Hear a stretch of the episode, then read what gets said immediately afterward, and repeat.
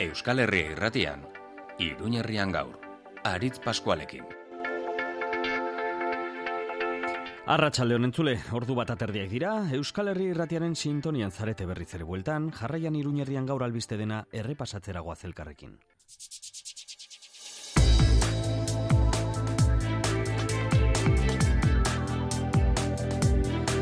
Ukrainako gerraren eztabaidan maila, geruza, edo faktore asko daude eztabaidatzeko geopolitikoarena, eredu sozialarena, ideologikoa eta baita bakezaletasunarena ere.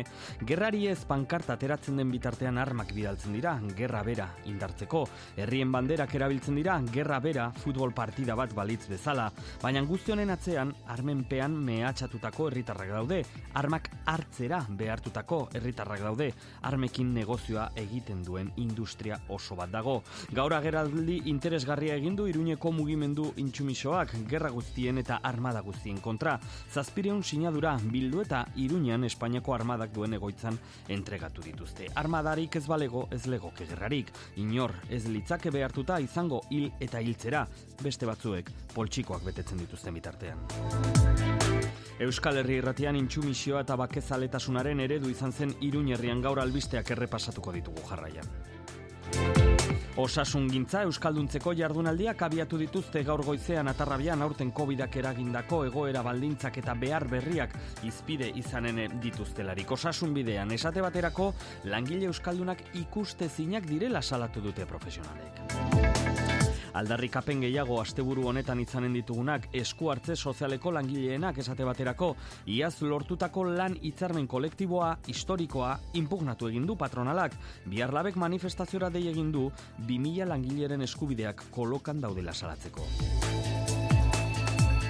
Bihar ere sos arrazakeriak taldeak xenofobia bereren kontrako astearen barruan manifestazio antolatu du iruñean. Berreunta laurogeita bi kasu salatu zituzten pasaen urtean, jazarpen, esplotazioaren biktima diren pertsona etorkinak beldur direlako kasu hauek eh, salatzeko polizia aurrean, haien herrialdeetara itzultzeko mehatxua beti gainean dutelako. Iruñan abiadura hondiko trena noizbait iritsiko balitz iruñera, egingo duen ibilbideak zeharo baldintzatu du azkena markadetako etxabakoitzeko garapena. EH Bilduk pesis hau bertan bera ustea eskatu du eta planteamendu berri bat egin, batez ere, auzoaren dako etorkizuna bermatu dadin. Asteburuaren atarian gaudelarik ere kultur proposamen desente dugu zuekin partekatzeko jarraian kale nagusira joanen gara. Bertan Antartika kultur kontainerra urte osoko lana aurkezten ari baita. Loizune amatrelankidea, zai dugu bertan. Bada, hauek dira, ostirale honek e, uzten dizkigune albiste nagusiak, gaur goizean bildu ditugunak, edukietan sartuko gara berehala, aldez aurretik eguraldiari ere erreparatuko diogu eguraldi ederra e, une honetan hemen e, iruñerrian altxatu dira. E, zeruan genituen e, odeiak ostarteak zabaldu eta une honetan irrintzi dorreko gure terrazatik eguzkia ze gozatzen hasi gaitezkela ikuse dezakegu. Asteburu ederra omen datorkigu aurretik dena den meteorologiaz gu baino askoz gehiago dakien Adituari galdetuko diogu Nafarroako meteorologia agentziako arduradunari, peio horiari, peio egunon. Kaixo egunon, asteburu lasai-lasaia, euririk gabeko egunak aurretik, hori bai, gaur odeiak protagonistak egun bat gehiago, bihar ala ere egoaizea animatuko da eta zeruak atertzeko joera hartuko dute lehenen gordutikan. Larun bata eta igandea beraz oso antzekoak, temperaturak lau pabost gradu mugitzen balio minimoei dagokionez, eta amazazpi emeretzi gradutan maksimoak.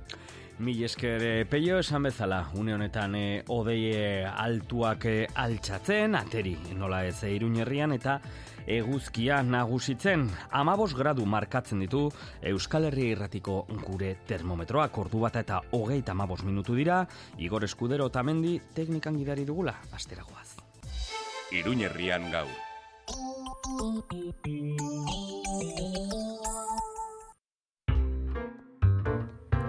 Aran taberna jatetxea etxean bezala bazkaldu. Astelenetik ostiralera kalitatezko bazkariak prezio ezin hobean, menua amabi eurotan.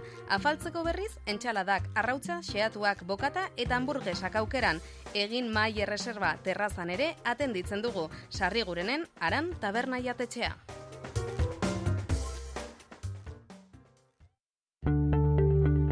Nola bizi dira gazteak euskaraz, ze erronka ditu euskarak. Ametxaranguren ibilbedi musika taldeko abeslaria Begoña Garaiko etxea gaztealdiko partaidea maitane jungitu geimerra eta unai dufur osasuna futbol taldeko jokalaria elkartuko ditugu galdera horiei erantzuteko. Berrogeita mar urte aurrerago, euskaraz bizitzeko autua solasaldia martxoaren hogeita maikan arratsaldeko seiterdietan, iruñeko katakrak liburu dendan, zatoz.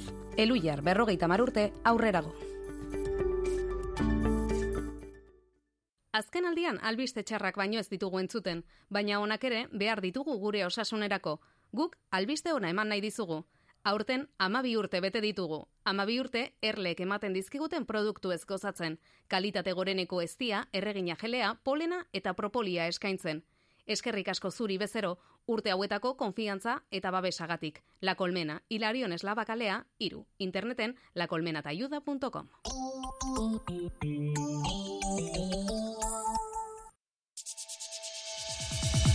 Iruñerrian gaur, albisteak. Arratxaldeko ordubiak izateko, hogeita iru minutu falta direnean Euskal Herri irratian gertuko albisten kontakizuna egiten. Hasiko gara, egunero ordu honetan egiten dugun bezala. Atarrabiara, joanen gara jarraian izan ere bertan, osasun gintza Euskalduntzeko jardunaldiak abiatu dituzte gaur goizean, aurten gainera, COVID-ak erangindako egoera, baldintzak eta bete behar berriak ere izanen dituzte izpide osasune profesionalek bertan. Bertak informazioa biltzen izan da, Ries, ilintxeta gure lankidea. Gaur eta bihar eginen dira Tarrabiako kulturretxean osasungoa Euskalduntzeko erakundearen hogeita maikagarren jardunaldiak. COVID eta gero zer, galdera hau, izanen da, abia puntua. Bilkura honen helburua zein den azaldu digu irunetu bia Elizondoko familia medikuak. Bueno, ba, urtero gure helburu nagusiena da, ba, Euskaraz lan egiteko esparru bat izatea.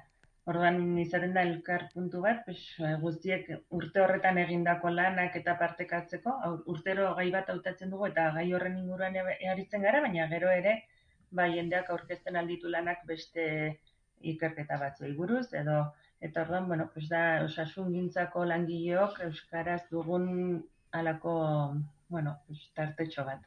Nafarroan osasungintzan dauden lanpostuen artean euneko bi kakotx iru baizik ez dira elebidunak eta gehienak eremu euskaldunean daude. Osasun bideak ez du ezer egiten euskararen erabilera sustatzeko irunetu biak adierazi digun bezala. Alde batetik ez dute eskatzen eta bestetik ere daudenak ikusarazteko um, osasun bideak ez du deus egiten. Dena ba, gure borondatez, da bakoitzak hobekien e, uste den moduan egin dezake baina ba hor bai falta dela. Azken aldian egon dira mugimendu batzuk egin zuten inkesta bat jakituko zen bat euskaldun ginen lanean zen ez eta ez eskatu ba erderazko lanpostuetan ere ba gaude euskaldunak. Eta eta bueno hasi dira pixka bat mugitzen baina politika gauza guztiak bezala Euskararen egoera osasun bidean eta osakidetzan, e, COVIDak e, osasun mentalean, erietxeetan, edota lehen mailako arretan izan duen eragina, izanen dira besteak beste, gaur eta bihar atarrabian aztertuko dituzten gaiak. Esan bezala hori atarrabian, Euskararen eh, eta osasungintzaren inguruko jardunaldi interesgarriak. E, egun hauetan baita ere, nola ez, azken hilabete honetan, Ukrainako gerrak hartu du protagonismorik handiena, gure albiste kontakizun honetan, eta hainbat eta hainbatetan solastu gara, hemen dikane Ukrainara bidaldiktako laguntzaz, krisialdi humanitarioaz, baina gerra guzti hauek edo gerra hau ez litzake posible armadarik izanen ez balitz, bada hain zuzen, gerren kontra, armaden kontrako azespiriun sinadura bildu ditu Nafarroko mugimendu intsumisoak eta gaur entregatu dituzte Espainiako armadak iruñan duen egoitza. Loizuna matre izan da bertan. Dagoeneko zazpireun sinaduratik gora dituen intsumisioa gerra guztiei Errusia zein Ukranian kontzientzia eragozpenaren aldeko manifestua aurkeztu dute hogei garren mende bukaeran eta hogeita bat garren mende hasieran Espainiako derrigorrezko zerbitzu militarraren aurka abiatutako kanpaina antimilitaristan parte hartu zutenek. Gerren aurka egin dute beste behin, argine sala nueva, unai sala nueva, intsumisoaren arrebada. Estatuek gerraren basakeria propaganda patriotikoarekin aipatzen apaintzen duten bitartean armak errefusatzeko eta etorkizuna libreki erabekitzeko personen eskubideak aldarikatzen ditugu behin eta berriro inor ez luke, behartu izan behar, ez hiltzera, ez da inor hiltzera ere. Salatu dutenez, Ukrainako gobernuak derrigorrezko erreklutamendua ezarri du emezortzi eta irurogei urte bitarteko gizonezkoen artean, borrokatzeari uko egiten dioten milaka gazte zein heldu klandestino bihurtuz. Egoera horren aurrean, modu pasiboan obeditzeari eta erresistentziarik ez erakusteari uko egiten diote. Ez dugu izaki kaltegarri eta arriskutsu bihurtu nahi. Mota guztietako humilazio eta tratu txarrak eragiteko gauza. Ez dugu adin guztietako emakumeen aurkako sexu bortizkeriaren konplize izan naiz. Ez da adigabeen, erien edo babesgabeen eriotzarena ere.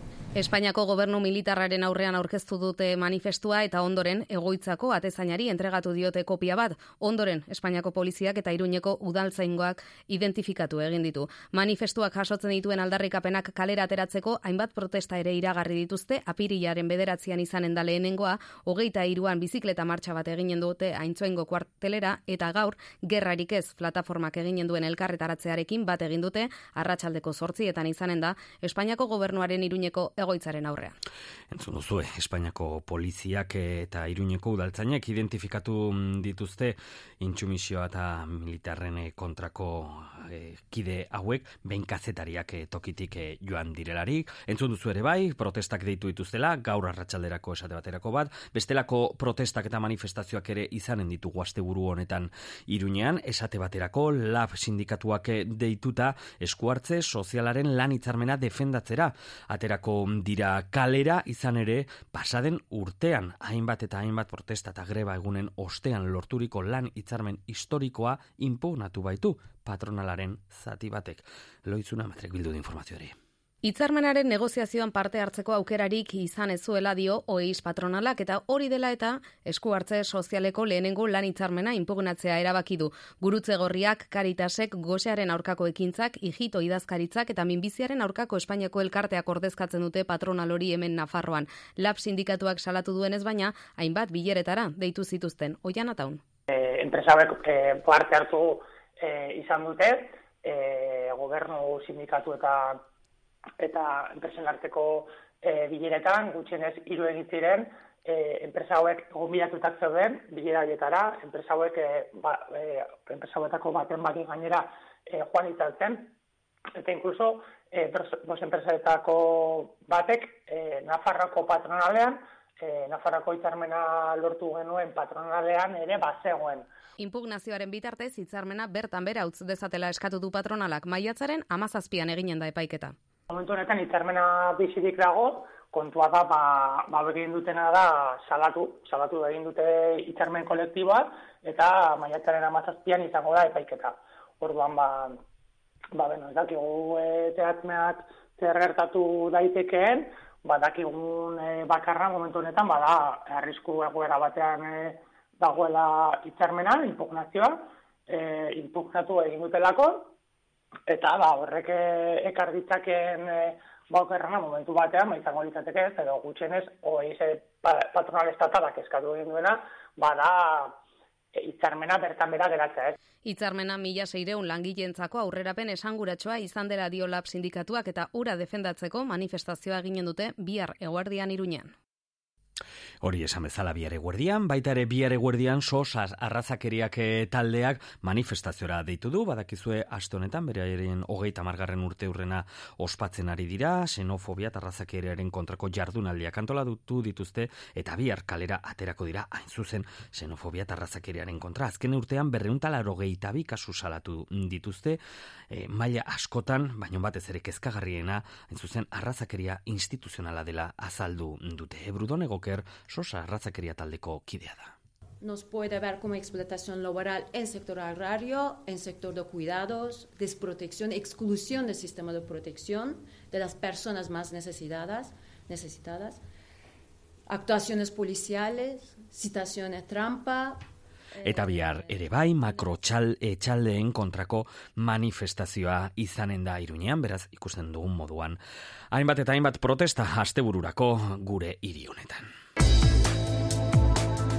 2000 eta bederatzigarren urtean hau da duela amairu urte Iruñeko udalak eta Nafarroko gobernuak Iruñan abiadura hondiko trenak egin beharko lukeen ibilbidearen gaineko proiektua egin zuten. Eta horrek baldintzatu egin du urte guzti hauetan etxabakoiz auzoaren garapenak bada gaur, EH Bilduk pesis horren proiektu hori bertan bera ustea eskatu du eta prozesu berri bat abiatzea eskatu du ikusita amairu urte pasata zenoloko ondoriak izan dituen. Joseba Siron, Iruñeko zinegotzia. E, UPNek bere garaian bultzatu zuen pesizaren porrota. Ez da, bideragarria, arrazoi tekniko, juridiko eta ekonomiko, ekonomikoen gati. Eta esan bezala, etxabako izen e, egungo egoera baldintzatu du. Hainbat e, etxe bizitza, eraisteko mehatxuarekin bizi izan du dituzte amair urte hauek, beraz, ezin izan du dira zahar berritu edo kaleetan ere bai e, zahar berritzelanak egin. UPNek bultzaturiko pelotazoak bizkarra ematen ziela irigintza beharrei etxe bizitzari ez eta ekipamenduei. Eta horrek paralizi izugarria suposatu dio etxabakoitz auzoari amarkadetan zehar. Horregatik, e, prozedura berri bat irekitzea eskatzen dute, non bestelako tren sozialaren eredu ere bai aztertuko den, eta bestelako parte hartze bat ere bai pro, e, proposatzen den inguruetako herrietarako. Maior Garramirez, EH Bilduko parlamentarioa da. Horrein arte ordenaziotik kanpo dauden eraikuntza konsolidatzea eta horrela beraien eraisketa ekidit. Hainbeste urtetan sufrituriko zigorran gandik etxe bizitza hauen dago diru laguntza plan bat ezartzea etxe bizitza hauek bir gaitu ahal izateko. Etxa bakoitz berreskuratzeko urgentziazko plan bat martzan jartzea eta azkenik Uzman enpresaren segurtasun distantzia errebizatzea, hori epe ertan batean, baina epe labur edo motz eh, baterako proposatzen duguna da, da kantolamendu orokorraren eskemaren bir planteamendua, parte hartze prozesu bat martzan jartzea ordenazio berri bat lortu ahal izateko. Iragan, iragarkin tartea zabalduko dugu jarraian Euskal Herri irratian eta bueltan albiste gehiago. Iruñerrian gaur. Ozen denok, eman bide Euskal Herria irratiare! Euskal Herria irratia. Inkesta galdetzen badizute, esan ozenki Euskal Herria irratia entzuten dut eta arronago egin dezazun bidea.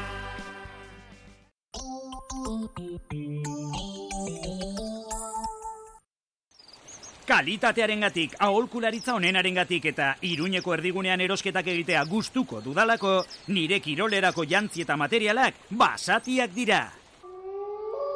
Basati kirolak! Errekoletak zortzi, baratxurien plaza, iruña. Carmen Kaleko herriko taberna, aste guztia irekia eskaintza paregabearekin. Eguerdietan eguneko menua edo asteburuko menu berezia. Gauetan karta zabala, entxaladak, bokatak, hamburguesak eta razioak. Ostegunetan gure talo mitikoak. Gainera, ardo karta berezia. Carmen Kaleko herriko taberna, iruña. Noainen, serreria espartza. Zurdindegi eta ebanisterietarako hornikuntza. Altzariak, eskailerak eta upelak egiteko askotariko zura. Gaztainondoa, gereziondoa, lizarra, informazio gehiago, serreriaesparza.com webunean. Gure berezitasuna, aritza.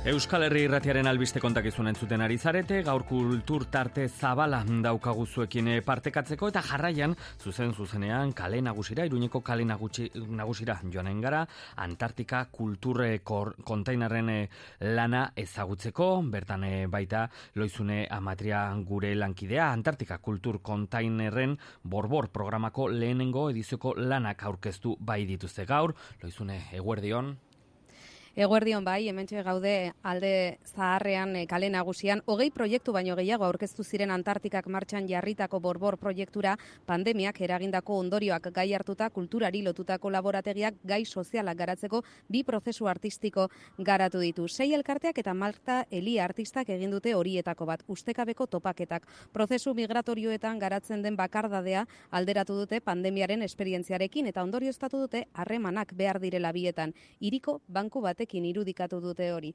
Marta Eliarekin mintzatu gara.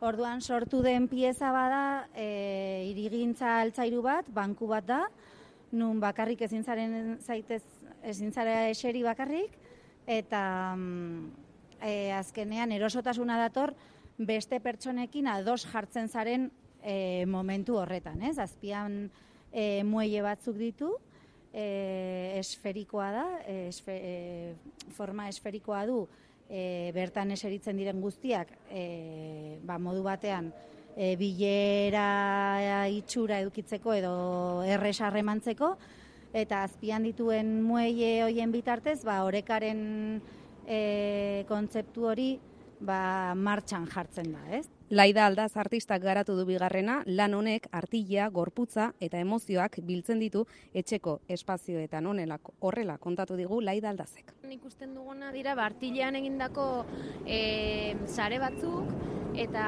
sare horiek ere e, espazioan e, egon eta egon egon ez aparte, ez? Ba, badira ere beste sare batzuk pertsonak beraien artean eh harremanean jartzen dituztena lotu egiten dituztenak eta pertsonak objektuekin lotzen dituztenak. Eta hauek ba iruditzen irudimena hauen irudimena da pixka bat ba pertsonen arteko toksizidadea edo nabarmentzea, ez? E, batzuetan ere eramaten dugun motxila hori edo pertsonen artean ditugun harreman horiek non moztu nahi ditugu, baino ezinezkoa izaten den.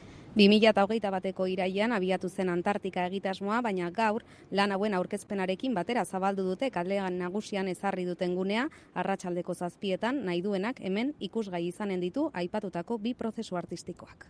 Mi esker loizune, proposamenaren gatik, bestelakoak ere bai baditugu, datozen egunoterako, esate baterako, zuberoatik etorri zaigun, sorkuntza berri bat, antzeslan bat, harri minak atarrabian ikusgai izanen duguna. Reiz lintxeta. Zuberoatik etorriko zaigu igande arratsaldean antzeslan berri bat, arriminak bonbon beltz taldeak eh, sortutakoa. Udalbiltzak antolatu duen geuretik eh, sortuak ekimenaren testu inguruan eginiko lana da. Euskarazko kultura sorkuntza sustatzeko bekak eman ditu udalbiltzak eta horri esker hogeita zei lan berri sortu dira, orain Euskal Herrian barrena erakusten ari direnak. Sortzaileek eh, berea ez den herri edo hiri batean egin dute, hainbat astetako egiteko egonaldia lan hoiek abian jartzeko eta talde zuberotarraren kasuan oinatin izan ziren. Han zuluaren ideiaren inguruan hasi ziren ausnarrean. Zulo geografikoak eta bestelakoak kitika rekalt testuaren egilea eta aktoreak azaldu digun bezala.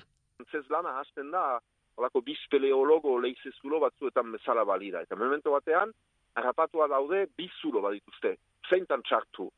Eta orduan aukeraketa, Eta aukerak eta hori ere bai, eraman dugu, atera dugu oinatiko kobazuloetatik, eta bizka bat zabaltu abanikoa e, bizitzan guk Euskaldun bezala, pertsona bezala, Euskal Herri bezala, zein, zein bide, zein bide hartu, bizulo horietaik zein aukeratu.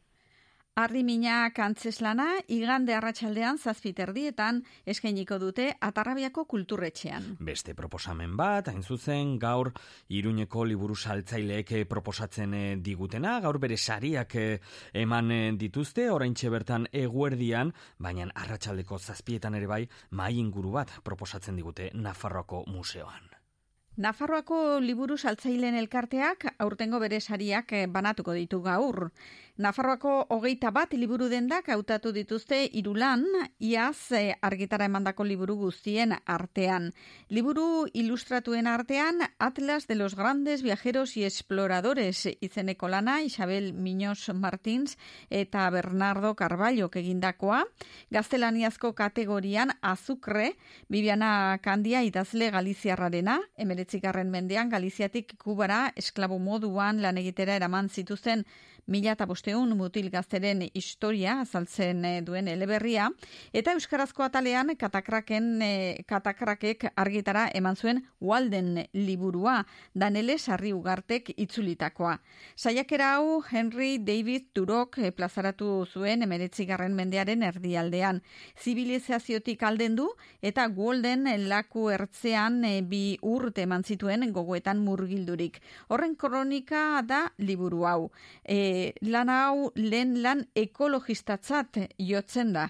Danele Sarri Ugartek azaldu digu zein izan den hau itzultzerakoan izan duen erronkarik handiena. Bueno, niretzako zaiena edo erronka nagusia zen, gero hori zehazki nola gauzatzen den, baina ba, jakitea oso liburu aztertua izan dela, jendazok aztertu duela, eta hainbat esaldiri buruz e, polemika dagoela zer esan nahi zuen, eta horrekin presio pizka bat emate zidan. Gero esaldi, esaldi, esaldi, esaldi azten zarenean, ba, bueno, ba, daude esaldi batzuk buru uste gehiago sortzen dutenak, eta iristen zara olako negoziazio batera. Baina, bai, presio pizka bat e, sentitu dut alde horretik. Gaur eguerdian da, sari hauen banaketan, Afarroako museoan, eta arratsaldeko zazpietan, e, toki honetan e, bertan, mainguru bat eginen da, lan hauen inguruan, hainbat egile eta aditurekin. Hori modu lasaiago batean, baina larun bat gauean, Sega Sound Killers taldea izanen dugu txantreako akelarre tabernan, Josie Lowly talde mitikoko matxet izanen dugu taula gainean.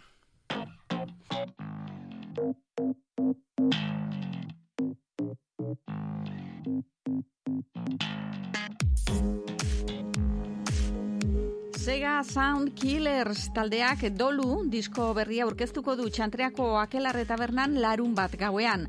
Musika elektronikoa rock soinuarekin bat eginik datorkigu lan honetan. Abestiak arilkatuta daude bizi dugun gara ilun honen inguruko gogo eta eginez. Matxet, musikaria eta letren egileak horrela azaldu digu lan honen mezu nagusia pixkat hitz egiten dugu hori, dolu musikalari buruz, ez? Nola, ba, bi urte hauetan nola pila bat talde joan diren pikutara, areto txikiak, baita ere lan egiten zuten eh, jendea profesionalak, teknikariak eta ba, beste doketara joan izan behar dutela mm, beste lan batzuk egitera eta guretzako nola estena, mugitu garen estena hau hor ezitu gara bai pertsonalki eta baita musikalki ere ba iruditzen zitzaigun ba, inbar genula zerbait, ez? Omendu bezala. Larun bat gauean beraz, txantreako akelarre tabernan aurkeztuko dute dolu disko berria.